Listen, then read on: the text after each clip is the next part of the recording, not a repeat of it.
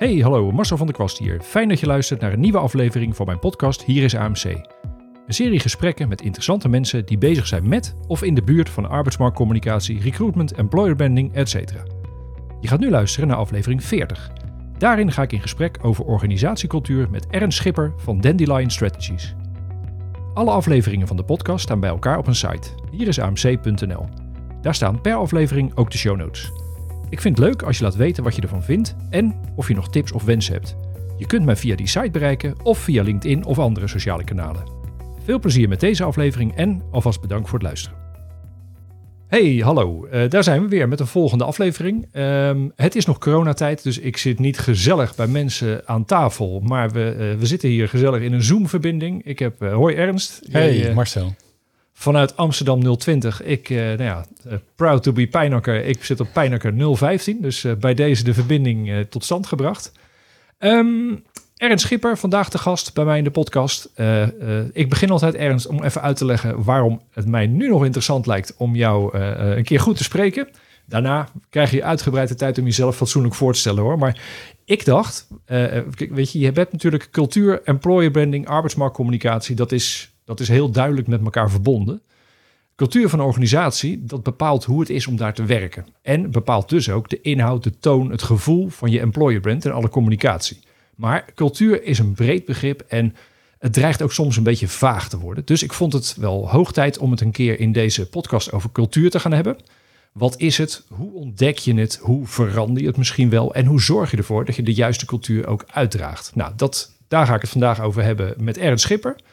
Ernst is al jaren actief in employer branding en heeft zich de laatste jaren gespecialiseerd in cultuurtrajecten. Is sinds een half jaar zelf ook podcastmaker. Dus als het goed is, hebben we aan twee kanten goede audio vandaag. Dus dat is mooi. Um, in de Engelstalige podcast Expedition Company Culture praat Ernst met mooie gasten over cultuur. Nou, dat gaan we vandaag ook doen, alleen in het, in het Nederlands. Dus uh, welkom Ernst. Dankjewel, dankjewel Marcel.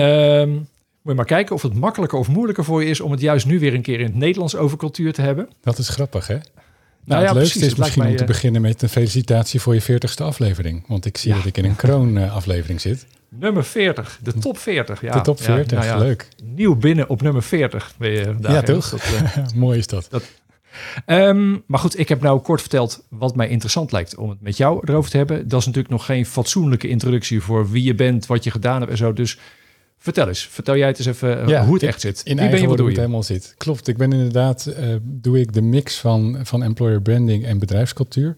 En dat is eigenlijk gekomen, ik kom vanuit employer branding. Hoe verkoop je je bedrijf naar de, naar de, naar de arbeidsmarkt? Um, maar eigenlijk waar ik meer en meer tegenaan liep en loop, is dat die mensen dan binnenkomen en dat je dan moet gaan leveren op die belofte van je, van je, van je, van richting de arbeidsmarkt.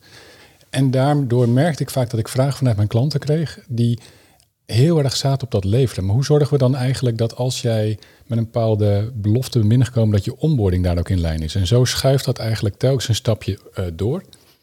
En daarnaast vind ik, lekker met een statement te beginnen, is dat je bedrijfscultuur eigenlijk niet heel wezenlijk anders is dan je employer brand. Omdat uh, het komt vanuit hetzelfde binnenste. Je bent iets of je bent iets niet. Uh, het enige is dat je het doorvertaalt naar mensen die nog niet bij je werken. Maar wat ik vaak merkte, en ik weet niet of jij dat ook herkent vanuit jouw ervaring, jouw employer branding video's, die leveren hetzelfde soort reactie op intern als, de, als ze het extern doen. Dus daarom, zo ben ik eigenlijk ooit begonnen om daar, daar verder te doen. Um, mijn podcast is Engelstalig omdat ik heel veel internationale klanten heb. En ik op die manier ook leuk vind om hun ook te betrekken bij alles waar ik mee bezig ben.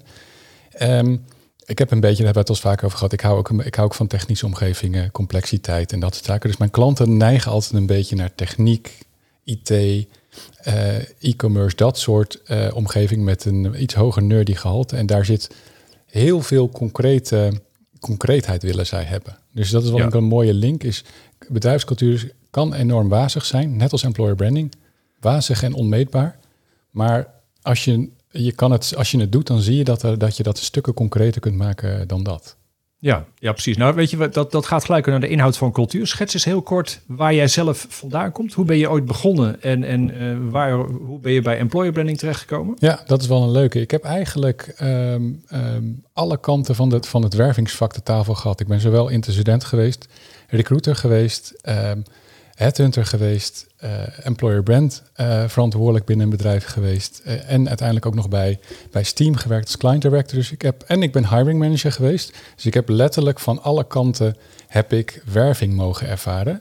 En wat ik zelf altijd merkte, dat is eigenlijk een beetje hoe ik opgeschoven ben naar, um, naar employer branding. Vroeger toen ik recruiter was, was ik zo eentje die elke drie maanden zijn vacature teksten weggooide en opnieuw schreef. Helemaal overnieuw begon om te kijken of ik een ander soort mensen kon aanspreken. En toen lukte dat. Toen had ik eigenlijk zoiets, eigenlijk vind ik het veel leuker om groepen mensen in beweging te krijgen dan een sollicitatiegesprek te voeren met één persoon. En zo is dat eigenlijk telkens stapje bij stapje is dat opgeschoven. En ben ik met employer branding terecht in aanraking gekomen. En ben ik eigenlijk veel meer gaan nadenken over... is een baan nou een commodity die je probeert te, te, te, te vermarkten? Is dat nou, zeg je van oké, dit is de skillset die ik nodig heb... en ik ga naar de markt en um, ik pak het aan. Of wil je echt daadwerkelijk een verbinding leggen tussen waar je als bedrijf voor staat en, uh, en de vacatures die je hebt. Uh, of en de, en de arbeidsmarkt. En zo ben ik eigenlijk steeds meer in het employer branding vak gerold. En um, ja, pak ik zo eigenlijk mijn, mijn, mijn projecten aan. Ja, en dan de laatste tijd meer naar cultuurtrajecten nog doorgetrokken. Uh, is het helemaal los van employer branding? Doe je, doe je geen employer branding meer, maar alleen maar cultuur? Of nee, is het een het soort is wel, Wat heel grappig is, is dat het een in, in, uh, inherent onderdeel is. Het is aan elkaar verbonden. Ja. Het is eigenlijk altijd beide. Ja. En eigenlijk nog veel meer, want waar we het niet over gehad hebben, is interne communicatie. Dat zit er namelijk nu eigenlijk ook altijd bij. Ja, is dat ja precies, precies. Interne communicatie, employer ja. branding, cultuur is een soort, ja. Ja, nou ja, het is bijna een soort Venn-diagram. Of het misschien is het wel één grote grijze, uh, er, zit, er zit overlap genoeg in. Nou, maar dat is, ik vind dat, ik, ik, dat is wel heel leuker dat je het zegt. Want wat ik heel erg vind, wat ik um, heel hard vragen mensen, hè, maar waar valt employer branding nou eigenlijk onder? Waar valt bedrijfscultuur? Is dat HR? Is dat marketing ja. of wat dan ook? En mijn antwoord is eigenlijk allemaal. Dit is eigenlijk een 100% multidisciplinair vakgebied. Ik moet zowel wat weten van R als van marketing en van IT eigenlijk ook. Omdat je die combinatie, ja. dat is alleen maar hoe je dit werk goed kan doen, is dat je met alle verschillende bloedgroepen moet kunnen spreken en dat je elkaar begrijpt. Ja, en dat geeft tegelijkertijd de complexiteit ook aan. Maar daar komen we vanzelf op. Maar laten we even, uh, ik ga wel proberen je een beetje te, te, te uh, nou ja, een beetje, een beetje te prikkelen van, van waar hebben we het over. Ja. Het begin is met cultuur. Hè? Mm -hmm. want, want als je het nu gewoon is moet, moet... De hele simpele vraag van... Wat is nou de cultuur van een organisatie? Hoe zou jij die beantwoorden? Um, dat zijn de dingen die we normaal vinden met elkaar. De, de zaken die wij voor, voor lief nemen. En dat kan, kan zo klein zijn als begint jouw vergadering altijd op tijd. Uh, zo plat, daar begin je al over cultuur te praten. Of ja. um, beslis je alles in de vergadering ongeveer tien minuten nadat je er vandaan gaat. Uh, mag een vergadering, als die een uur gepland is, mag die dan vijf uur duren? Of mag die eigenlijk maar 50 minuten duren? Zo plat, ik, ook omdat het zo'n wazig onderwerp is, moet je soms zo diep inzoomen om te zien wat cultuur is. Om het gaat over de dingen die we doen, die we belangrijk vinden. Is het belangrijker dat we het allemaal met eens met elkaar zijn? Of dat we onze doelstellingen halen? En ja. zo zijn er allerlei concrete acties waarmee je de cultuur kunt afleiden.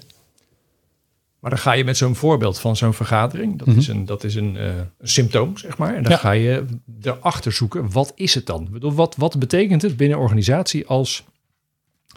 Ik heb jarenlang voor de marine gewerkt als opdrachtgever. Mm -hmm. En daar was de, de, het adagium was, op tijd is te laat. Want uh, als een meeting om 11 ja. uur begint, ja, dan gaan we om 11 uur beginnen. Dus ja. als je op tijd binnenkomt, dan is het te laat. Dus dat is een voorbeeld van cultuur. Nou, het past helemaal bij een strakke organisatie.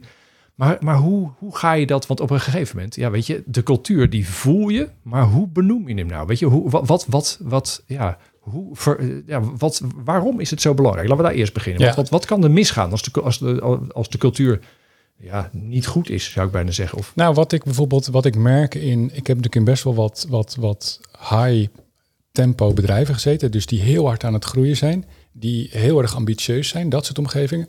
En je ziet dat het misgaat op het moment dat je mensen binnenhaalt en dat ze na een half jaar weer verdwijnen. Dus de symptomen, en dat is eigenlijk het interessante van cultuur, want dat trigger je. De symptomen zeggen je meer dan de kern, want de kern is heel wazig, maar in de, in ja. de periferie kun je veel dingen zien. Een cultuur als je met elkaar in één lijn zit, dus als je met elkaar een idee hebt, hey, dit is wat wij belangrijk vinden, als je kijkt naar de marine, hey, strak is strak. Als je te laat bent bij de actie, dan is er geen actie meer. Nee. En dat betekent dus dat je dat overal kunt voelen. Dus daar kun je het een beetje in zien. En um, je kan er wetenschappelijk onderzoek bij halen dat um, sterke bedrijfsculturen, die groeien harder en consistenter en duurzamer over de jaren dan bedrijven die daar niks mee doen. Dus daar, heb, daar, is, daar is wetenschappelijk onderzoek naar gedaan. Maar daarnaast zie je anekdotisch zie je gewoon allerlei dingen ook bestaan. Op het moment dat je dezelfde taal spreekt, hoef je niet over alles exact tot in de diepte uh, overleg te hebben. Want dan kun je namelijk autonoom keuzes maken en stappen maken en je bedrijf versterken. Want dat ja, dus is eigenlijk zei, het koekje. Jouw eerste antwoord was de dingen die je met elkaar normaal vindt. Ja. Nu zeg je tussen de regels door de taal die je met elkaar spreekt. Vind ik ook, vind ik ook een mooie duiding ervan. Ja, Uh, maar waarom? Want, want kijk, zo'n voorbeeld van vergadering is heel herkenbaar. Want Mhm. daar, daar voel je iets aan Mhm. en dat zegt iets over een organisatie. Maar waarom is het dan belangrijk om te benoemen waar dat vandaan komt? Ehm, omdat je daarmee kunt laten zien, ehm, daarmee kun je het versterken. Want daarmee kun je dus ook, wat je bijvoorbeeld ziet, is dat je soms ehm, regels stelt die niet passen bij je cultuur. En het andere voorbeeld wat ik heel graag, heel graag geef, is om het ook weer heel plat en praktisch te maken. Als jij een heel informele cultuur hebt, waarom ga jij als je afscheid van nemen, gaat nemen van iemand eh, via een juridische weg, die persoon dan ineens als geachte aanspreken en met Ja. u aanspreken? Dat is schizofreen. En Ja. dat is eigenlijk waar, waarom je dat allemaal doet. Je dat je alles, eigenlijk is je cultuur je kompas bij de moeilijke beslissingen die je moet maken. En die Ja, maken het zit dus cultuur- heel dicht tegen je identiteit aan. Absoluut. Nou, het, is eigenlijk, het is eigenlijk het concreet proberen te maken van je identiteit. Ja. ja, en dan is cultuur en concreet is dan nog, weet je, da- daar zit met name het spanningsveld. Ja. Hoe, hoe, eh, ja, hoe benoem je dat dan? Dus zo'n cultuur? Nou, wat, we eigenlijk, wat ik eigenlijk probeer te doen is wat je. eh, is er een, een soort van. Daarom heet mijn ehm, eh, podcast ook Expedition. Is dat je een expeditie maakt. Dat je eigenlijk moet gaan onderzoeken. wat is het nou eigenlijk? Ehm, zeker de grotere bedrijven hebben allemaal wel kernwaarden gedefinieerd. Maar 9 van de 10 keer zit daar eigenlijk geen gedrag aan vast. Dus als ik een project start, gaan we gewoon eigenlijk. Je moet ergens beginnen. Meestal pak ik dan kernwaarden. En ga ik gewoon praten met mensen en zeg: wat betekent dit nou eigenlijk? Dit passie in jullie kernwaarden. Ja. Onwillek of authenticiteit, onwillekeurige open deuren die extreem wazig zijn. En ik ga gewoon door totdat ik echt een antwoord krijg. En niet een antwoord van nee, want wij gaan altijd heel erg erg voor. Ik probeer ook de, de cultuur, employer branding kun je al bijna niet zonder de donkere kant doen, maar cultuur al helemaal niet. Eh, Nee. het, het voorbeeld van passie, er zijn heel veel bedrijven met passie als kernwoord. Ik zeg dan altijd, trek het lekker extreem. Oké, dus mensen zijn zo gepassioneerd met, met, met hun werk bezig... dat ze bij jullie soms onder hun eh, bureau in slaap vallen... zodat ze 's ochtends weer snel aan de gang kunnen. Dus jullie zullen wel aardige burn-out cijfers hebben. Nee, nee, nee, nee, nee. En zo probeer ik eigenlijk telkens het steeds concreter en steeds dieper... maar wat bedoel je nou eigenlijk met passie? Bedoel je dat we het leuk vinden wat we doen? Dat werk een feestje is? Of bedoel je dat wij dingen willen doen die anderen niet doen? Of dat wij heel betrokken Ja. zijn? Dus het gaat heel erg snappen. Ik, doe, ja, ik probeer te snappen waarom die mensen daar in godsnaam willen werken. Ja. En, En soms waar streef jij dan naar? Als je, als je kijkt hoe je die cultuur wil benoemen. Want Mhm. je noemt het voorbeeld kernwaarden. Nou, Mhm. die, die zijn in de meeste organisaties wel benoemd. Maar de vraag is of dat de cultuur eh, bepalen is. Ga je wel op zoek naar dat soort omschrijvingen om een cultuur eh, eh, te benoemen? Ehm, soms heb je dat nodig. Dus er is niet een one size fits all. Want het is, cultuur heeft ook al te maken met, eh, met type bedrijf. Dat is hetzelfde als je naar je employer brand kijkt. Bij sommige bedrijven is de omschrijving van hun employer value proposition een A4'tje. Bij sommigen Ja. een boek. Bij anderen een PowerPoint slide. Bij de ene een manifest, bij de andere een belofte. Dus daar is niet een regel voor. Het is niet, er is geen heilige graal. Net als met employer branding, er is niet één manier die goed is. Er is één manier die goed is voor jouw bedrijf. En als jij het helemaal, als jij de vrije hand zou hebben, hoe zou je dan het liefst een cultuur omschrijven? Ga je dan voor drie kernwaarden of ga je voor het, eh, het, het dubbelzijdige A4'tje? Ik ga voor ehm, eh, opdrachten. Leg eens uit. Ehm, nou, ik heb bijvoorbeeld nu net een, een, een bedrijfscultuurproject afge, afgerond bij Fugro. En, ehm, en een van hun kernwaarden, we do what's right. Dat is een opdracht. Dan geef je duidelijke richting aan. Dit is een kompas, dit is een richting waar we naar. Wat wij van jou verwachten is, je doet wat, wat, wat juist is. En dan kun je in je, in je, in je activatie van je, van je cultuur, kun je daar voorbeelden geven, kun je dat meer gaan laden. Maar op zo'n manier, wat ik zelf het prettigste vind, en dat ligt dicht op mij, is op zo'n manier om het heel concreet te maken. En heel erg, want daarmee kun je iemand aanspreken op, is dit doing the right thing? Ja. Die vraag wil je eigenlijk kunnen stellen, want dat werkt, hij werkt twee kanten op. Een cultuur bestaat alleen maar bij de gratie van dat ik jou daarop kan aanspreken. Ja, dus dat is een wat actievere vorm dan dat je daar, eh, weet ik wat, de kernwaarde rechtvaardigheid voor had benoemd of zo. Of wat. Exact, exact. Terwijl voor Ja. sommige bedrijven dat juist weer heel erg eh, co- concreet is. Je vraag is, wat vind ik? Ik vind dat zelf, dat is mijn handschrift. Dat ik dat Ja, fijn vind om op zo'n manier te doen. Maar eh, soms past dat niet bij het type bedrijf waar ik werk. Nee, nee, eens, eens. En dat is overigens, dat leidt ook wel aan een heel, ik weet niet, die vraag stel je niet, maar hij zweeft een beetje en ik pak hem toch nog even zelf ook wel. Is dat dit, het zeg maar cultuurprojecten zijn hetzelfde met employer branding projecten. Je moet durven jezelf uit te zetten en je eigen mening over zaken. Ja. Dat er niet toe doet of wat ik vind van de cultuur van mijn opdrachtgevers. Er is wel een morele grens waar ik, die, die, die ik zelf heb, uiteraard. Maar ehm, hoe zij invulling eraan geven, dat is, ja, zij zijn het. Ik ben, ik ben Ja, aan het helpen. Messenger. Ja. Je eigenlijk de, de, de, de optekenaar zeg maar, van het verhaal. Dat, Ja. ja. uw nederige verhalendienaar. Precies. Hey, en nog even één, ehm, een beetje een, een, een nou ja, e- even de diepte in over cultuur. Want, Mhm. want aan de ene kant is het dus heel erg eh, hoe het echt is. Dat, dat is de, de, de cultuur. Dan heb je het eigenlijk, weet je, dat zit dus in de mensen zelf van een organisatie. Mhm. Als je aan de andere kant zegt, eh, eh, de kernwaarden, weet je, de kernwaarden van een organisatie, die komen vaak van de andere kant. Die Ja. zijn eh, door, de, door de bedrijfsleiding, de directie, de leiders, die hebben drie waarden vervat. Ja. Ehm, dat, dat staat een beetje haaks op elkaar. Ja, dat is heel leuk. Wat ik er heel leuk aan vind is, want ik heb ook wel eens klanten gehad waar ik een setje bedrijf, kernwaarden kreeg waar ik wat mee moest. En dat maakt eigenlijk niet uit, want wat het leuke namelijk is, is dat als je het via eh, dat spoor doet, dat je ergens kernwaarden vandaag haalt, dat ergens de powers that be iets hebben besloten, dit is wie we zijn, wordt daar nooit over de invulling nagedacht. Dat heb ik nog nooit meegemaakt. Nee. Dus er wordt een woord geopperd. En daar heeft iedereen een goed gevoel bij. Ehm, en vervolgens kan ik daar invulling aan geven zoals dat past bij het bedrijf. En dat is denk ik een andere heel belangrijke. Is dat heel veel... de exact, exacte woorden zijn niet cruciaal. De, het, dat je de intentie snapt van die kernwaarden en dat je de richting snapt, dat is wat cruciaal is. En dat is wat mensen moeten gaan begrijpen. Net als dat ik het ook irrelevant vind of eh, je medewerkers je kernwaarden uit, je, uit hun hoofd kennen. Het is namelijk Ja. belangrijk dat ze zich gedragen in lijn met. En dat doe je dus. En dan komen we op het HR-stuk bijvoorbeeld een beetje. hey, hoe neem jij mensen aan? Hoe toets je de mensen die je aanneemt aan je kernwaarden? En hoe toets je het gedrag van je medewerkers aan de kernwaarden die je stelt? En dan Dus- wordt die in één keer veel minder wazig.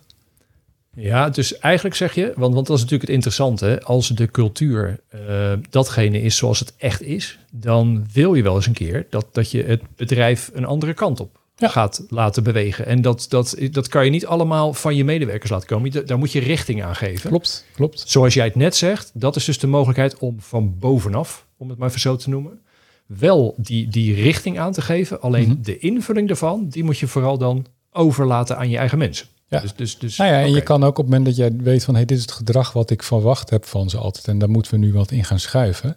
dan kun je ook realistisch zien of dat onzin is of niet. Het is een beetje als jij een bedrijf hebt... dat zich altijd enorm naar binnen gekeerd is...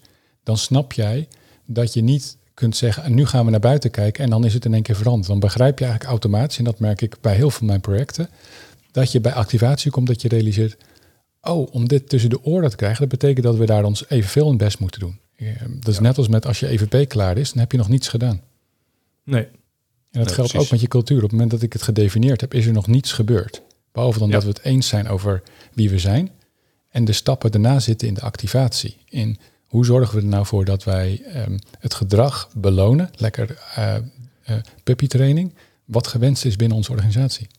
Ja, ja oké. Nou, laat ik zo zeggen, dit was even de eerste algemene beschieting hè, van, van eh, waar, cultuur. Waar hebben we het over? Dus ik denk dat we nu stiekem, ja, we proberen het wel concreet te maken, maar dit is wel het, het, het nou ja, noem het maar, het vagere deel ervan. Maar dat geeft niks, want dat hoort er ook Ja. bij.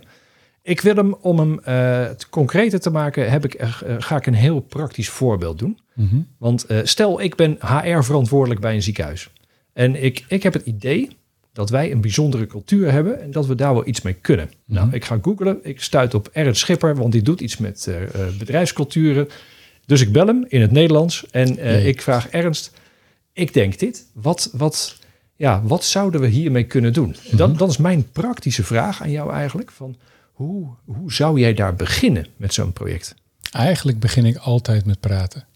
En dat is zowel in de top, waar zeg maar de mensen die van de mooie woorden, als met medewerkers om eens te toetsen wat gebeurt er nou eigenlijk. Wat ik 9 van de 10 keer doe is om eens een, een rondje workshops te doen en niet complexe grootse dingen, maar gewoon groepjes van acht mensen bij elkaar zetten, met elkaar praten.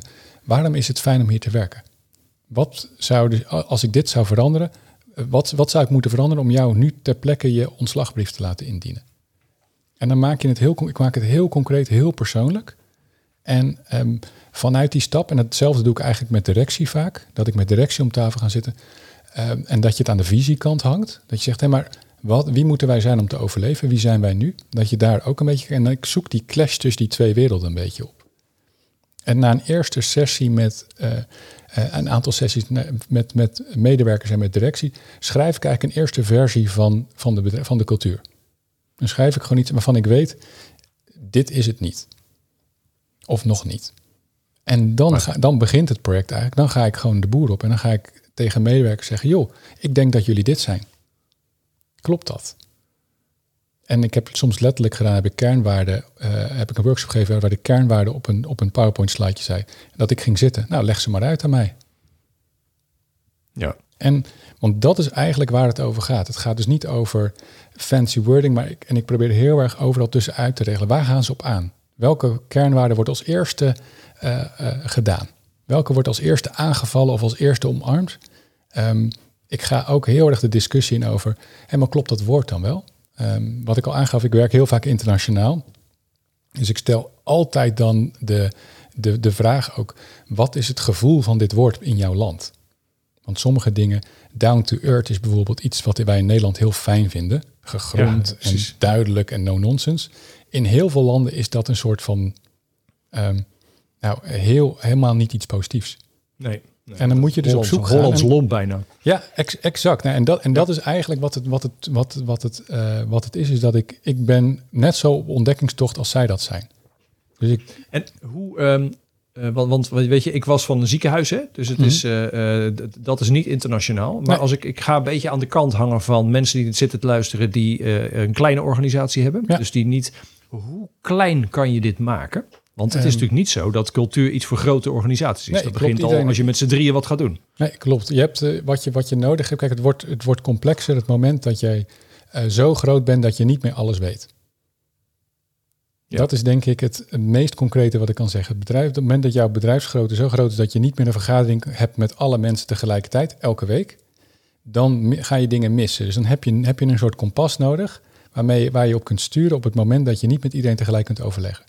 Dat is het uh, moment. Tussen de regels door. Dat is weer een mooie. Uh, in het, ik zit te turven met dingen die een cultuur bepalen. De rol die een cultuur heeft als kompas vind ik stiekem mooie beeldspraak. Dus maar ja. ga verder. Ja, ja, ja mooi bij mijn achternaam ook. Um, um, maar, maar, maar, vanaf die grootte is het al interessant. En um, je kan dit project zo complex maken als je wil. Uh, ik verdien niet meer geld bij, dus ik vind het puzzeltje leuk om het complex te maken. niet complex voor mijn klanten, maar voor mezelf. Um, maar het gaat er gewoon een beetje om dat je met elkaar zegt: hé, hey, maar waarom zijn we ooit begonnen? En dat is met name voor de kleinere organisaties die groter aan het groeien zijn. Heeft met welke gedachten hebben we dit ooit gestart? Ja. Wilden wij zo snel mogelijk miljonair worden? Wilden, hebben wij een bepaalde zielsmissie? Nou, kijk naar een ziekenhuis, ja. daar, zit heel, daar zit een dienstbaarheid aan de maatschappij in. Um, dat is een overweging, maar niet een kernwaarde. Net als de grote valkuil die ik heel vaak zie, is dat bedrijven hun cultuur hangen aan wat ze doen. En daarmee zie je dat ze al allerlei ziekenhuizen op het beter maken, op het zorgen voor elkaar en dat soort dingen gaan zitten. Ja, en dan ben je aan het uitleggen wat een ziekenhuis doet. Ja. Het zit hem op iets meer. Het zit op iets, iets, iets extra's. Want je gaat ervan uit dat er geen ziekenhuis is die, uh, die het niet, scheelt, niet kan schelen hoeveel, kan die, hoeveel patiënten hun, uh, hun, hun procedures overleven. Um, dat, dat, zit er van autom dat zit er automatisch in. Maar vanuit welke bron komt dat nou eigenlijk? Is dat ja. Vanuit kennis gedreven? Willen wij de wereld vooruit helpen door specialistische kennis te hebben en daardoor meer, meer patiënten te genezen? Of willen wij vooral um, het gevoel van, de, van, van onze patiënten centraal stellen? En zo heb je allerlei verschillende invalshoeken voor, de, voor die zorgzaamheid. Zeg je daarmee uh, ook een beetje dat in de, de, de why, de how en de what, dat de cultuur wat meer op how zit? Of nou, eigenlijk is dat alle drie. Eigenlijk vind ik, uh, is daar geen onderscheid tussen die drie. Want dat is eigenlijk cultuur. Is het, en daarom is het zo wazig en heel concreet. Als je het weet, is het heel duidelijk. Als je het niet weet, is het heel onduidelijk. Ja. En je kan niet precies zeggen van, want het is een kompas. En een kompas zegt niks totdat jij een vraag hebt. Ja. Zeg maar een kompas, het enige wat een kompas zegt, daar is het noorden. Precies, en die kant gaan we op. Dat, nee, dat, oh nee, dat is niet waar. Dat, zegt, dat zegt kompas, kompas zegt niks. Kompas zegt alleen daar is het noorden. En jij Ja, moet zelf ja. bedenken dat je op pad wil. En dan moet je ook nog eens bedenken op welke kant je dat op wil. En dan kan het kompas zeggen, nou, als jij naar het oosten wil, ga je nu verkeerd. Ja. Even weer terug naar het ziekenhuis. Want eh, eh, jij, was binnengekomen en jij was gesprekken gaan voeren. Ja. Eh, de eerste versie hebben we gezien, waarvan jij zelf al zegt, dat is niet de definitieve versie, maar dat is een mooi stuk om mensen aan het praten te kijken. Dat, dat, Oké, dus dat, Mhm. ik word al een beetje onrustig, want Ja. Ik dacht dat ik jou een praktische vraag stelde en dan ga je toch eerst weer een beetje de waarheid uitvinden waarvan ik dacht dat ik hem al wist. Maar dat, exact. eh, en, dat- nou, en dat is wel, ik ben blij dat je het wordt onrustig, want dat is eigenlijk ook de veroorzaking hier. Want wat er, wat er 9 van de 10 keer gebeurt, van 9 van de 10 keer, eigenlijk 10 van de 10 keer, is dat je ongemakkelijk wordt. Is dat de antwoorden die jij voor waar hebt aangenomen misschien helemaal niet zo stellig zijn. Want dat is eigenlijk wat ik heel vaak zie, en dat zul je misschien ook om de analogie naar employer branding te leggen. Ehm, in je employer value proposition projecten, trajecten kom je soms op het moment dat je denkt, oeh, ik ben zo begonnen. Maar eigenlijk nu ik al interviews doe aan het valideren ben, klopt dat niet helemaal. Ja. En ik trek nooit het feit in, in twijfel dat jij niet bijzonder bent. Want jij belt mij en zegt, we hebben een bijzondere cultuur. Dat geloof ik meteen, want elk bedrijf heeft een bijzondere cultuur. Alleen probeer, je heel, probeer ik naar de concrete te gaan, maar waarom is dit het en waar zit het nou precies in? En daar zit Ja. ongemak bij. Ook omdat ik je in dat proces, en dat is deze fase, ik dat ongemak ook meer ga opzoeken. Ook gaan zien. En wat is nou eigenlijk de donkere kant ervan? Betekent dat, zeg maar, als we heel erg op de consensus zitten, betekent dat dat je bij ons eigenlijk nooit eh, anders mag zijn dan anderen. Ja. Toch heel veel. Nou, dat is- een trend vind ik van een deze dat je- tijd. Heel veel bedrijven die zitten heel erg, we doen het samen. Nou, dan ga ik in het proces. Oké, we doen alles samen. Betekent dat ik nooit alleen een beslissing mag maken? Of betekent het dat als ik een beslissing alleen maak en hij is niet goed, dat ik kan afgerekend word? Of betekent het dat ik nooit afgerekend word, omdat we altijd beslissingen maken samen? ja, ja. Dus op zo'n manier, eigenlijk kom je zo telkens kom je een stapje dieper en, en, en, en wordt het steeds concreter, zonder dat je eh, ehm, helemaal op die woorden gaat zitten. Want de neiging is dat we met elkaar woorden gaan bedenken en dan zeggen, nou, ik vind dat woord mooier en ik vind dat woord mooier. mooier. En dit is nog los van allerlei woorden, want die woorden kunnen allemaal nog veranderen, omdat je eigenlijk de intentie van de woorden zoekt. Ja. Ja, ja, ik heb eh, een voorbeeld van een organisatie waar ik wel eens wat gedaan heb. Die hadden eh, vertrouwen als een van de nieuwe, eh, een van de kernwaarden. Maar voor iedere declaratie onder de 25 euro moest je wel gewoon, nou, bij wijze van spreken, drie getuigen meenemen. Ja. Dus, dus dat vertrouwen daar, weet je, en dat is ook wel een interessante. Ja. Tussen zeggen en het ook Mhm. echt doorvoeren in alles wat je doet. Ja. Ja, dat, da- daar zit een wereld van verschil in. Maar dat is ook vaak wel een mooie indicator. Dus dat, eh, Nou, en dat is het gesprek. En daarvoor is het zo belangrijk om zo'n eerste versie te hebben. Want dan ga je namelijk in zo'n validatiesessie... ga je met, weer met andere directieleden zitten... of met management of met weer nieuwe eh, medewerkers. En die zeggen, ah, ah, vertrouwen, ik mag niet eens een paperclip zelf meenemen. ja, ja. Nou, en dan cirkel je hem gewoon weer terug en dan zeg je... joh, eh, directie, jullie vinden vertrouwen zo belangrijk... maar waarin laten jullie het eigenlijk zien? Maar dan ga ik weer even terug naar mijn rol als HR. eh, ik was HR-dame van een ziekenhuis. Ehm, ik had het idee, weet je, dat ik jou uitnodigde en dat we aan een... eh, nou, mooi, we, we kunnen aan de slag. Maar Ja. het gevaar van de fase die je nu schetst... is dat je, dat je nog niet met een oplossing komt... maar dat je mensen eigenlijk een, een nieuw probleem aanpraat. Hoe, hoe, hoe ga je daarmee om? Nou ja, omdat je voorwaarts blijft gaan. Omdat uiteindelijk, kijk, ik geef je nu het meta, het meta-verhaal, maar wat je in het proces, het wordt steeds concreter. Dus Ja. in plaats, kijk, ik word gebeld omdat je het niet precies weet. Zeg maar, laten we dat eventjes voorop stellen. Is dat Ja. als jij je cultuur al helemaal had uitgeschreven en alles had uitgewerkt, dan had je me niet opgebeld. Nee, precies. Dus jij bent bezig om die cultuur eh, Concreet te, vatten. maken. Ja, en, en, en de fase waarin we nu zitten, daar heb je, heb je eigenlijk je eerste fase. eh, Daar hebben we ook, nou, we denken dat de cultuur in deze richting zit. Dus zo concreet is het al geworden. En ze- zelfs nog, je zal zien dat je dan met jou als HR-manager, hebben, heb ik ook al gesprekken met jou over. Oké, als we als dit de richting is van de cultuur, in hoeverre loopt je, klopt jouw HR-beleid hiermee? En dan krijg je eigenlijk de eerste concrete spin-off, dat je eigenlijk met zo'n HR-team aan de gang kunt gaan. hey, we weten dat het deze richting is. En waar gaan we eigenlijk manken in het leveren van dit richting onze medewerkers? En dan is zo'n vertrouwen voorbeeld van jou extreem goed. Ja. Want ja, dan, precies. Dus dan ga je van die cultuur uit, ga je hem, ja, noem het maar, het uitdragen van die cultuur. Mhm. Dus dat gaat eerst in je, ja, noem het maar, je, werkgeversgedrag. Of misschien wel nog iets hoger, je organisatiegedrag. Want het is nog Exact. niet helemaal werkgevers. Ja, ja. Nou, en dat, en wat, dat is wel grappig wat je, wat je zegt, is het klopt heel erg. Wat ik probeer te doen met mijn project is een, een beweging te starten. Want een bedrijfscultuur is de eigen, eigendom van iedereen, van alle medewerkers. Ja. ja. En dat betekent dus dat de ownership overal moet liggen. Maar dat betekent ook dat je niet kunt zeggen, hey, dit is ons bedrijfscultuur en nu gaan we weer door met ons volgende project. Nee, er komen projecten uit waardoor je moet gaan leveren. Ja. Op alle niveaus. En ik merk wat ik heel interessant vind met de aanpak zoals ik hem doe, zie je dat op allerlei plekken, uh, afdelingen, initiatieven ontstaan. Oh, maar dan moeten wij hier ook eens naar kijken. En dat is een beetje, nou goed, ik zit natuurlijk veel in, dit, in, in die, in die IT-hoek. Dat is natuurlijk allemaal agile uh, uh, leentje buur. Waarin, waarin je gewoon eigenlijk dingen lanceert, laat zien, zodat er reactie kan opkomen voordat alles klaar is. Want dat is de neiging die we met name binnen HR hebben. Om in onze afdeling alles helemaal uit te werken. En als het helemaal klaar is, te lanceren. En dan keihard afgeschoten te worden. Ja, ja. En dat is iets, dat is het gesprek wat ik heb met jou als HR-manager. Van hey, uh, het gaat over het succes. Het gaat niet over het afronden van het project. Het gaat over het succes van het project. Ja, ja helder, helder. Hey, en als je het... Um, dus we zijn bezig om daar nou ja, het, het, gedrag van de organisatie erop aan te passen. Ergens wil ik ook de slag maken naar communicatie. Mm -hmm. want, want je hebt de cultuur. We gaan er in hele stappen, grote stappen doorheen hoor. Dat begrijp ik dat dat uh, wat ja, zeker, gaat nee, maar dat moet ook toch in een... We doen nog geen driedaagse podcast. Precies. Jij bent van de korte afleveringen. Nou, ik wil voorkomen dat dit een hele lange wordt. Zou ik maar dat echt heel grappig vinden. um, maar als het naar communicatie gaat, hè? Wat, wat, hoe zorg je ervoor dat de juiste cultuur, zoals je hem gevat hebt, uh, ook in de communicatie terechtkomt? Om, om, die moet je ook op tijd uh, uh, betrekken.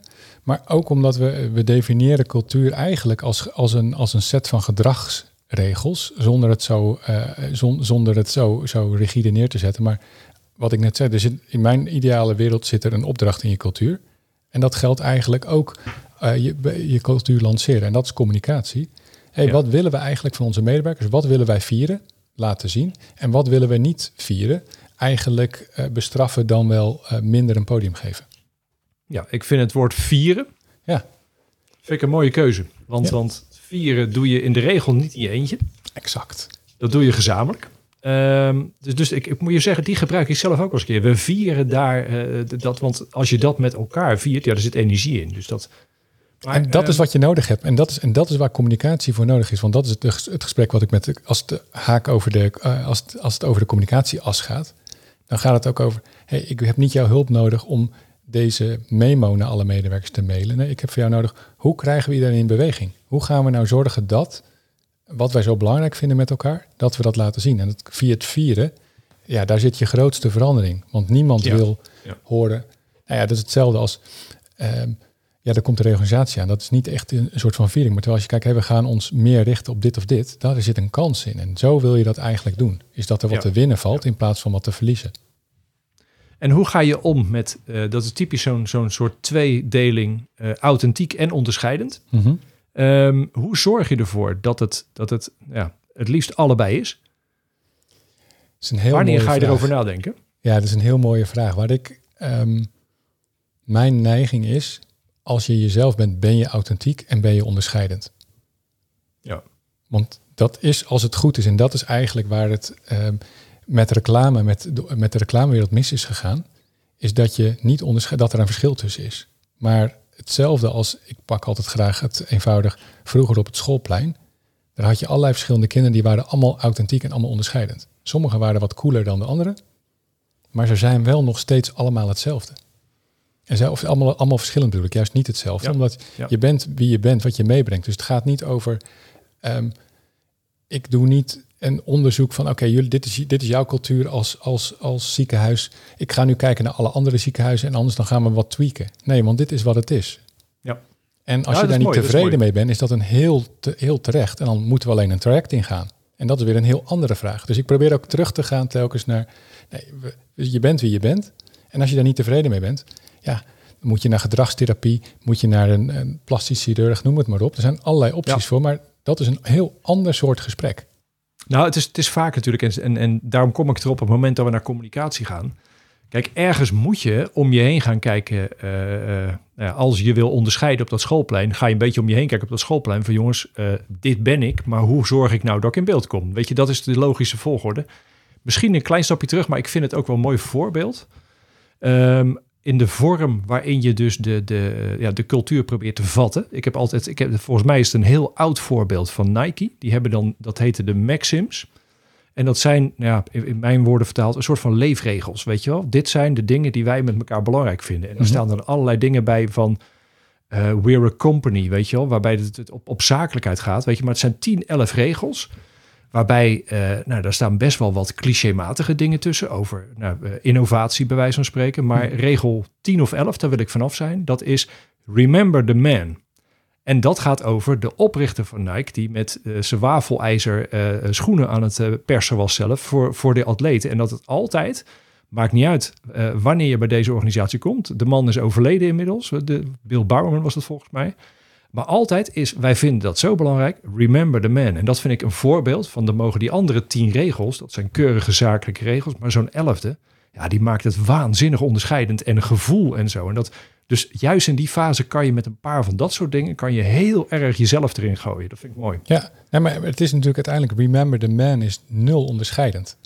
Maar het is heel onderscheidend omdat je een specifieke keuze maakt. Hey, wij, voor ons is het belangrijk dat we de legacy blijven volgen van onze oprichter. Ja. En dat geeft iets unieks mee. En dat zo heeft elk bedrijf heeft zoiets. En daarvoor hoefden ze niet naar de buitenwereld te kijken. Nee, en daarom vind ik ook dat zo'n lijstje met die regels, waarvan jij er ook al één noemde, weet je, dat, dat vind ik lekkerder werken dan. Je hebt ook een school en die willen, uh, uh, het moeten gewoon de heilige drie-eenheid, het moeten drie kernwaarden zijn. Ja. ja. Ja, dat wordt vaak iets kouder. En, Lekker belangrijk ook. Ja, maar nou ja, het, is de illusie, regel. De, de, illusie van maakbaarheid. Dat is het andere. Dan kan ik nog een andere. Is dat jij. Um, er is niet één manier van dingen goed doen. Dat bestaat namelijk gewoon niet. En wat ik lastig vind aan drie uh, ja, het mogen er alleen maar drie zijn. Ja, het moeten er geen 25 zijn, want dat is niet, dat is niet haalbaar. En maar of het drie, vier, vijf, zeven. Ja, als, Het maar, als het maar logisch is en hoe, wat ik wel aangeef, hoe meer je er hebt, hoe complexer je het je voor jezelf maakt.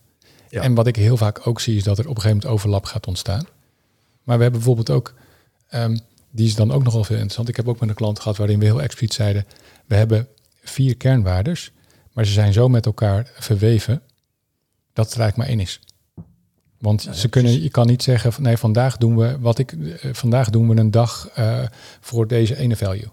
Ja. Nee, want ze zijn allemaal, want het hele en dat is het andere punt. Het is geen, uh, het is niet zoals met feiten. Nee, de, de, deze, dit feit bevalt me wel, deze niet, dus ik doe alleen maar deze. Nee, je doet ze of allemaal of allemaal niet. En dat is ook eentje. En daar moet je ergens moet je een, um, moet je daar heel duidelijk in zijn. Dit is wie we zijn. Niet een beetje en niet we zijn eh, op deze afdeling dit en op deze afdeling dat. Nee, je bent met elkaar één bedrijf. En dat is het andere. Ja, dat bedrijf bestaat niet. We zijn één groep mensen die samenwerken. Ja. En dat doen we volgens, met, met, met, volgens, volgens deze manier ga ik weer even terug naar mijn rol als uh, ziekenhuis HR-dame. Ja. Uh, die, rol, die rol bevalt me wel. Dat, ja, uh, dat voelt wel goed. Je doet het goed. Um, ik heb ook de rol van een klein beetje de timekeeper van deze af, aflevering. Dus ik, we, we, gaan niet helemaal de complete communicatiestrategie van het ziekenhuis bespreken. Maar ik wil nog wel even één dingetje over de communicatie weten. Wat, mm -hmm. wat, um, wat gaan we in ieder geval doen aan communicatie? Wat, wat, wat is een, is een no-brainer die je bij wijze van spreken altijd doet? Medewerkerverhalen. Eigenlijk altijd, want daar laat je namelijk letterlijk zien wat het is. Je gaat altijd, zet je op een manier medewerkers voor het spotlicht, waarin je ze vertelt, of waarin zij vertellen, hey, dit is wat ik aan het doen ben, en dat frame je in, de, in, in je cultuur. Het is een beetje hetzelfde, ja. Omdat je daar, materiaal. Ja, ook, ook omdat ik zeg, nou ja, wat ik zeg, het is een groep mensen die samenwerken. En groepen mensen krijg je alleen maar in beweging met verhalen. Ja, die gaan niet aan op een PowerPoint. En die gaan niet aan op een, op een heel mooi staafdiagram. Of op een reclamecampagne die zo gelikt is dat je denkt, wauw, hij zegt fantastisch, maar ik weet niet over welk bedrijf dit precies is, of dat voor ons is. Want zij zien namelijk ook wanneer je niet aan het leveren bent. Of de zware dagen. Maar dan heb je wel, als je medewerkers aan het woord laat, ehm, dat is qua vorm natuurlijk nog heel inwisselbaar. Dus dan moet je nog wel je best doen om daar Zeker. bijzondere communicatie van te Nou ja, waar, waar, de, waar de communicatie in komt, is dat je natuurlijk vanuit de communicatiekant besluit wie vraag ik, welke vragen vraag ik, eh, welke antwoorden laat ik zien, in welke volgorde en hoe frame ik dat allemaal. Kijk, Ja. eh, en ik moest daar pas, had ik had daar eerder vandaag een telefoontje over. Ehm, voor de, in het heel oneerbiedig ga je nu de propaganda in. Ja, ja aan de andere kant. Want dit is natuurlijk wat je, zeggen, wat, met goede werkt met is cultuur. niks Het is zo, maar je moet vervolgens ook iedereen overtuigen dat het zo is. Dus dat Ja. moet je bewijzen en daarvoor moet je je bewijs uitvergroten. En niemand is 100% compliant met jouw cultuur. Dat is onmogelijk. Nee. Dus ook als bedrijf, dus je zal, je zal nooit 100% altijd eh, daarop zitten.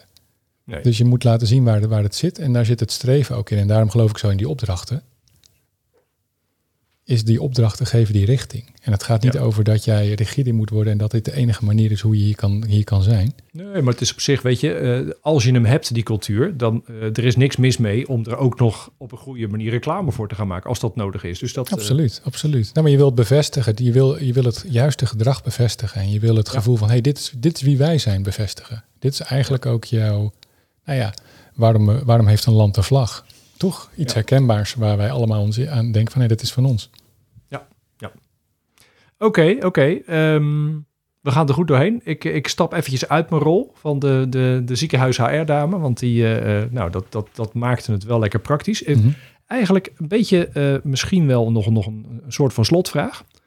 Ehm, want als je weer even iets uitzoomt naar cultuur, hè, dan, dan je, je hebt natuurlijk, ehm, als je nu kijkt naar inclusiviteit, hoe belangrijk dat is, dan is cultuur daarbinnen is natuurlijk wel een interessante. Want, Mhm. want hoe hou je, als je iets eigens over jezelf laat, gaat laten zien, ja, sluit je dan niet per definitie mensen uit als je, als je daar een keuze in maakt? Hoe, hoe zorg Ja. je dat dat met elkaar in balans is? Ja, nou, de essentie van een bedrijf is sowieso dat je mensen uitsluit, want niet iedereen mag bij je werken. Echt zo plat is het. Maar wat je wil voorkomen is dat je een cultuur creëert waarin mensen niet bij je kunnen werken die ontzettend goed bij je passen. Dus, en dat is eigenlijk het proces waar je ook in moet gaan. En daarom is, moet het pijn doen. En daarom geef ik al die, die workshops en validaties en dat soort zaken. Is dat je op zoek moet naar mensen die anders daarin zitten. Om te kijken, om te toetsen of wij met een keuze die je maakt. Ik bedoel, als jij zegt, eh, de vrij, onze vrijdagmiddagborrel is heilig. Daarmee sluit je een hele grote groep mensen uit die geen alcohol willen drinken. Ja. Zeg maar, om het zeg maar zo plat te zeggen. Of je zegt, eh, of, of, of je maakt iets anders. Maar je heel, daar moet, dat is in het hele proces moet je gaan kijken. Wat is de consequentie? En daarom zeg ik die donkere kanten ook heel erg. Is, ja, het is inherent dat je niet voor iedereen bent. Maar dat betekent niet dat mensen niet welkom bij je zijn. Ja. En, dat is een groot, en dat is een groot verschil. Eh, en want daar zit de diversiteit vaak is.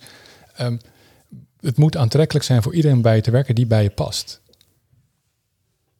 Ja. Maar Ja. ik ben het, dit, is, dit is het spannendste en dit is ook waar natuurlijk alle diversiteits-issues die we nu tegenwoordig, die we tegenwoordig, oh, die we eigenlijk altijd waren, maar die steeds duidelijker naar de volgende komen, vandaan komen. Is dat er een cultuur is ontstaan staan waar dit normaal is om, eh, weet ik veel, sexual harassment richting vrouwen of om discriminerend je uit te laten of om eh, promotiekansen te blokkeren voor mensen die anders zijn dan jij. Dat is een, dat is een uiting van een cultuur. Ja. En ehm, dat is, daar, daar, daar moet je dus actief wat mee doen. Ja, precies. Dus eigenlijk is het, weet je, ja, je cultuur en eh, nou, wel inclusief houden. Dat is juist een reden om er actief mee aan de slag te blijven. Om, om ongewenste effecten van die cultuur eh, ja, uit te sluiten. Ja, is dat je gewoon moet zeggen op het moment dat jij een cultuur hebt waar het normaal is dat jij ehm, altijd bereikbaar bent. Van hey, we, di- we always deliver to our clients anytime, anyhow. Ja, dan creëer je dus een, een omgeving waarin dat belangrijker is dan een thuissituatie. Precies. En daarmee ja, sluit je dus mensen uit die bijvoorbeeld alleen verantwoordelijk zijn voor die thuissituatie. ja. En als dat je doel is, ja, dan Nou ja, of, Kan nou, dat? laat ik zo zeggen. Als het je doel is of als, het, eh, eh, ja, als dat belangrijk voor je is, dan is zo'n keuze, Mhm. ja, die is per definitie natuurlijk niet verkeerd. Maar het- ik vind het wel interessant omdat, wat jij in het begin ook zegt, weet je wel, het, het, een, een, een keuze maken voor een cultuur is per definitie, dan ga je mensen uitsluiten. Dus ja, ja. dat ben ik met je eens. Dat kan En, niet dat, en, anders. dat, en ook als je niet een cultuurproject doet, heb je dat al gedaan. ja, ja dat want mensen die eigenlijk zeggen, iedereen inherent- is bij ons Ja. welkom. Ja, Ja, heel eerlijk vind ik dat altijd een, een, een een rare uh, uitspraak. Ja, want ik, nou ja, wat, ik er, ik, wat zou ik namelijk ook fijn vinden als iedereen bij ons welkom zegt, nou, dus dan hoeven we eigenlijk alleen maar uh, hoeven we geen cv's meer te ontvangen van mensen. Want dan nodig je gewoon mensen uit die met jou in contact willen. En dan zoek je een plekje voor ze. En waar selecteer je mensen dan op? Want dat, dan kan je niet selecteren ook. Dus oké, oké. Nou, dat vond ik wel mooi. Want je hebt natuurlijk vaak als iets te nadrukkelijk een cultuur wordt, dan wordt het soms uitgelegd als een soort secte waar je niet bij komt. Nou, dat wil je niet. Dat is te ver doorgevoerd. Maar een soort eigen signatuur. Ja, Dat, dat, daar is in principe natuurlijk niks mis mee. Nou ja, en je ziet soms bedrijven ook. Er zijn soms bedrijven die echt een soort van opleidingsschool zijn. Dat je, dat je, hebt, je hebt bedrijven in de markt dat je daar een paar jaar gezeten hebt, heb je allerlei dingen geleerd en ga je weer door. Ja. Dat kan ook de cultuur zijn. Van hé, hey, wij willen je hier drie jaar hebben of vier jaar hebben en dan is het eigenlijk tijd dat je doorgaat. Ja. Of we willen jou nooit meer kwijt als je hier bent. En daar zit, daar zit natuurlijk ook iets in. En daar zit ook selectie in. En daar zit ook een, uh, daar richt je namelijk je HR-beleid helemaal op. Oké, Mooi Ernst. Ehm, ik, ik, nou, we gaan een beetje een, een punt erachter zetten, want uh, het, is, het is mooi geweest zo. Jij met je afleveringen van 20 minuten. En ja, dat, want ik, uh, ga, ga ik, deze natuurlijk wel helemaal luisteren. precies, precies, precies. hey, ik zou als afsluiting, zou ik wel van je willen weten, want jij bent natuurlijk een echte cultuurnerd. Mm -hmm. Weet je, je, je zit er, je doet niet anders. Um, heb jij nou een, een, je ziet heel veel van die slide decks, weet je, van die culture decks en dergelijke. Mm -hmm. Heb jij daar eentje bij, wat, wat, heb je daar een favoriet tussen zitten? Waarvan nee. je zegt, uh, ga die eens kijken? Nee. Oké. Okay. Omdat ik eigenlijk, uh, want ik krijg deze vraag heel vaak. En um, het geeft namelijk aan dat je iets goed kan doen of niet goed kan doen. En het is een beetje hetzelfde van, hey, ik wil net zo cool zijn als die persoon op het schoolplein. En ja, als je het niet bent, dan ben je dat niet. En dat is heel onvriendelijk misschien. Maar zo werkt het. Zeg maar, ook de niet coolste kindjes van de klas hadden heel veel vrienden. Ja, zeg maar, er is ja, voor iedereen. En daarom vind ik het, wat, wat namelijk het risico is, is dat je dan gaat kijken naar, oh, ik wil ook zo'n vetcultuurdek. In plaats van, wat past er nou eigenlijk bij ons? Past er bij ons misschien een manifest? Of past er bij ons misschien gewoon een, een filmpje van de directie? Of een, of ja, een... Dus oké, okay, oké, geen persoonlijke favoriet? Nee, nee ook omdat ik heb dat, dat zelf ook helemaal niet. Omdat ik, ik, ik bedoel, kan daar... Um, nou ja, ik kijk ernaar en ik zie... Ik, en, en ik ben een nerd heel terecht, dus ik schiet overal op. Ja, ja.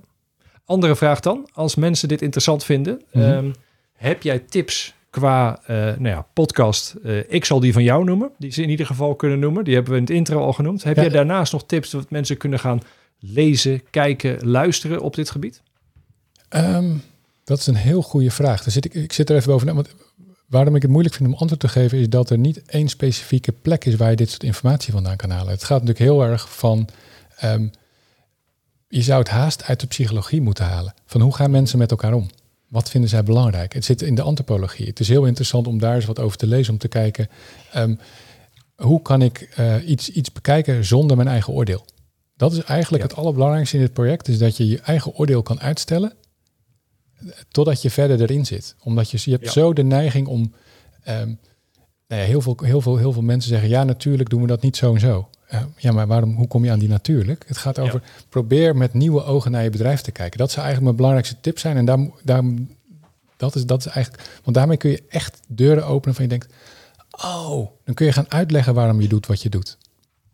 Nou, dan vul ik die aan met een, wel een concrete boekentip. Want Fijn. Uh, ik heb in een van mijn vorige afleveringen Danielle Brown te gast gehad. Dat is, zij is... Uh, zij zit er nog meer op. Ja, zij is antropoloog. Ja. Corporate antropoloog is zij. En uh, die heeft dus uh, Corporate Tribes geschreven, wat een erg mooi boek daarvan is. En uh, Jitske Kramer heeft recent een boek ja. geschreven. En dat is hoe werk heeft het gebouw verlaten. En ja. dat gaat ook vanuit die antropologieblik. Gaat dat heel erg over de situatie nu in coronaland. En hoe dat is voor de werksituatie. Ook erg interessant. Ja, en ik moet zeggen dat ik Leaders Eat Last van Simon Sinek vind ik stiekem, toen ik net nog even voor mijn boekenkast ging staan, dat is denk ik, vind ik wel een mooie om, om inderdaad hoe jij, hoe je organisaties en groepen beïnvloedt, zeg maar. Dus dat zou een tip van mij zijn uh, op dat front. Ja, nou, mooie boekentips voor jou. Ja, dus dan, dan, kunnen mensen aan het lezen gaan. Die zal ik er ook even bij plakken in de show notes.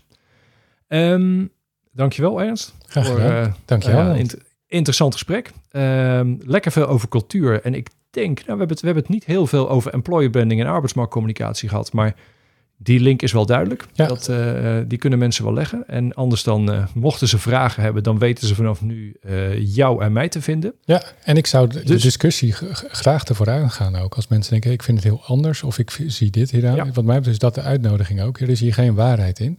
Dus als nee, je hier een heel sterke mening over hebt, deel hem. En ik doe met liefde nog een groepsgesprek met mensen die eh, heel anders hierin zitten.